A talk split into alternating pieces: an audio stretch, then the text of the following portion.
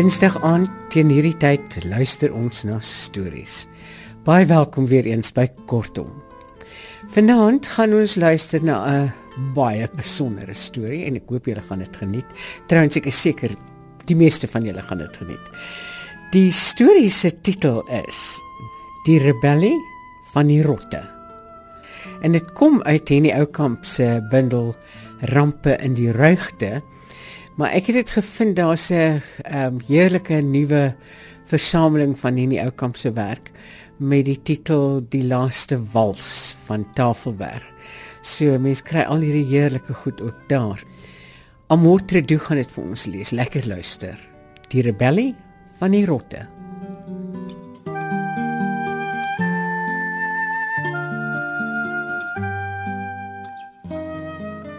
Dit het alles in die kompanjiestuin begin of soos die ou mense die plek genoem het, die kompstuin. En dit was glad nie lank gelede nie. Sommige net 'n paar maande terug. Om Sofanje, die opperrot, het gesien hoe die kompstuin voor sy oë agteruit gaan. Hy het dit alles aan die indringers toegeskryf, aan die eekorings. Hy het nooit van eekoringetjies gepraat nie. Dit sou na vertedering geklink het. En bovendien is 'n eekoring gemeet aan 'n rot glad nie klein nie. Ons Sefanje het 'n vergadering van die rotkolonie in die Kompstuin belê. Hy het 'n verskuilde plek toegekraal deur struike voorgestel. 'n Bergie het snags hier geslaap en 'n holte met karton uitgevoer. Al die rotte sou lekker gemaklik kon sit, net jammer van die drankreuk, maar hieraan kon oom Sefanje niks doen nie. Die vergadering het die aand begin net na die hekke gesluit is. Daar was nog 'n uur lig oor voor donker wanneer die bergie oor die heining sou klouter in sy lêplek kom opsoek. Die rotte het, waar dit moontlik is, die geplaveide paadjies vermy. Hulle het oor enkele droë blare geskarrel, vlugvoetig tussen blomme deurgegly en uiteindelik hul plek in die hoel ingeneem. Hulle het regop en waaksaam gesit met snorbaarde wat die laaste lig vang. Oom Sefania het ernstig gepraat. Selfs die jong rotte het hulle gerafot laat staan en mooi geluister met hul spitsneusies in die lug. Wie van julle het oom Sefania gevra, het al ooit aandagtig na 'n eekoring gekyk? Sy rot gehoor moes bekend dat hulle daaglikse bestaan so vol angste en vrese is dat hulle min tyd oor het vir natuurstudie. Gertruide rot was die enigste uitsondering. Sy is stiksienig en het jou waarlik 10 minute met 'n eekoring sit en gesels voordat dit tot haar deur gedring het dat sy nie 'n rot teenoor haar het nie. Eers toe hy draai om Sofia, vertel sy. Merk ek die staart. Hy het dit teruggevou oor sy rug gedra en elke haar daarop het regop gestaan. Die vergadering luister ontstel na Gertruida. Ek was verlam van die angs, vertel Gertruida verder. Om te dink dat ek ure in die vyand se geselskap was. Ek het blindelings gevlug. Een van die jonger rotte kan nie 'n giggel by bedwing nie. Van die ander tieners val by haar in. Almal weet dat Gertruida snags die openbare biblioteek besoek om Charles Dickens te lees. Dit het natuurlik tot die verswakking van haar sig gelei, want die lig daar is veel te flou vir ontspanne lees.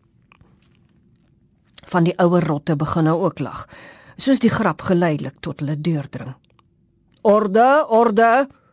Om Sefania stoot 'n supersoniese geluid uit wat die vergadering laat sidder. Getreide haal diep asem, want sy wil om Sefania beïndruk en gaan kalm voort. Weet jy wat my deur die gedagtes geskiet het, oom Sefania, toe ek eers weer in veiligheid is? Nee, Gertruida, sê oom Sefanja. "Maar ons sal bly wees om jou insig te deel." "Ja, ja," roep die rotte in 'n koor, meer uit nuuskierigheid as uit berou. Ek het gedink, Gertruide laat haar stem sak. ek het gedink, wat is 'n eekoring nou anders as 'n pretensieuse rot? Sy kyk selftevrede na haar publiek. Sy weet dat sy hulle gegooi het. Oom Sefanja skraap sy keel. Daardie woord Gertruida. Ek is seker van die jonger rooitjies verstaan nie mooi wat jy bedoel nie. Watter woord oom Sefanja? Vra Gertruida gemaak onskuldig. Daardie woord Gertruida, sê oom Vanja ergerlik. Daardie woord. O, oh, pretensieus. Dis wanneer jy voorgee om te wees wat jy nie is nie. Van die Engelse woord pretend. Eekorings maak of hulle aristokrate is, maar in werklikheid is hulle rotte. Doodgewone rotte, soos ek en jy. Oom Savanja? Wel, Gertruida, sê oom Sefanja. So doodgewoon is ek en jy nou ook nie. Wys my 'n eekoring wat die versamelde Dickens gelees het. Stadig, oom Savanja, stadig. Piep Gertruida beskeie. Ek trek nou eers by David Copperfield. Maar om uit te brei op my ervaring, neem my eekoring se stert weg. En wat bly oor? 'n Rot, 'n rot, 'n doodgewone rot, inkanteer die vergadering. Minder as 'n doodgewone rot, skree oom Sefanja. 'n Beskammelde, motgevrete, patetiese rot. 'n Rot met 'n geleende rekwisiet. gil Gertruida. Met 'n geleende rekwisiet, beamoen die vergadering hartstogtelik, sonder die minste benul wat 'n rekwisiet kan wees. Daardie middag word die vereniging ter beskerming van rotregte in die lewe geroep. Oom Sefanja en Gertruida word eenparig tot voorsitter en sekretaresse verkies. Gertruida waag dit nou selfs bedags in die biblioteek, want sy moet oom Sefanja inlig oor ekologie en meer bepaald die van die kompstuin. By 'n volgende vergadering sê oom Sefanja asof hy dit al die jare geweet het. Die ekoring, vervloek sy Cecil Rhodes, het ons uitgekom uithol. Die kieme van verval het by hierdie gapende wonde ingedring en sien daar, ons tuin is aan die verrot. Vandag sterf ons eike, môre ons peerboom, oormôre ons skroefpalm, naas oormôre ons treurmoer by. Gertruida gee glad nie om dat oom Sefanja met haar kennis in beeldspraak smous nie, want sy is tot oor haar oortjies toe verlief op hom. En hy op haar. Daar is net een uitweg. Die indringers moet uitgeroei word. Die ekorings moet dood. Stel jou voor, sê oom Sefanja een aand bitter. Stel jou voor dat toeriste ons, die ware landsburgers, naderlok en grondpotjies voer en hulle fotos van ons neem. Nog 'n voorbeeld, gil Gertruida, van daardie vervloekte verskynsel, eurosentrisme. Wat uitlands is, is outomaties mooi in die land. Niemand bekommer hulle meer oor Gertruide se woordeskat nie.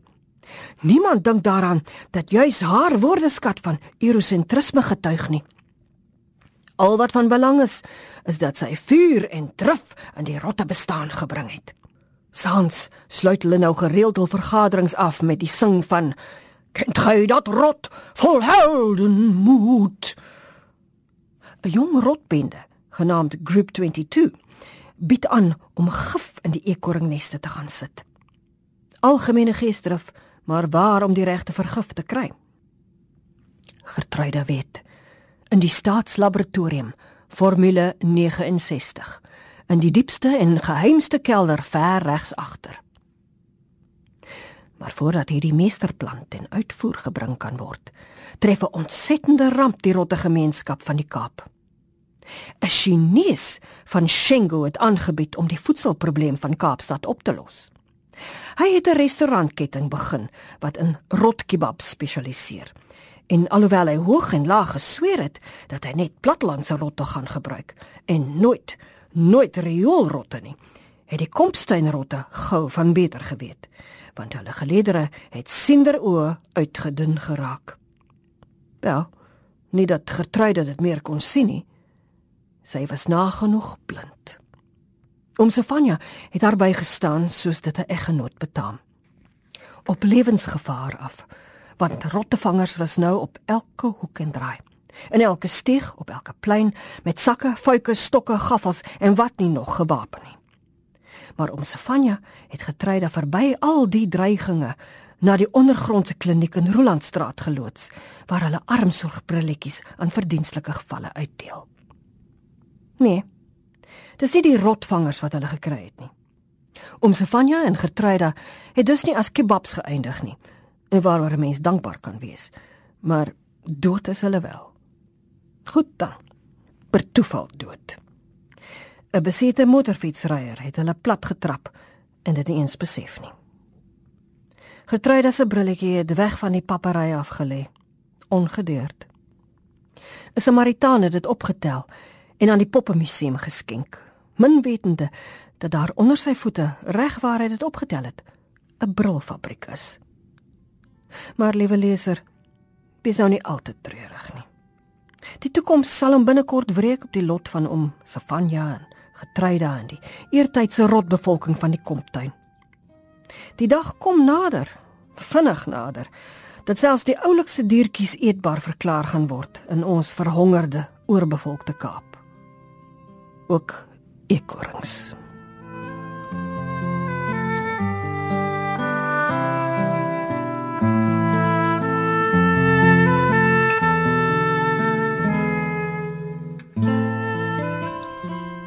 Amortre dood vir ons Henny Oukamp se verhaal die rebellie van die rotte gelees.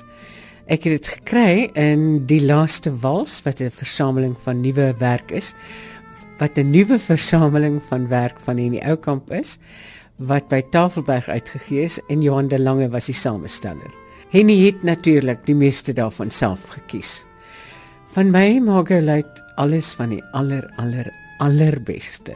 Tot volgende keer. Mag dit met ons almal goed gaan. Totsiens. thank you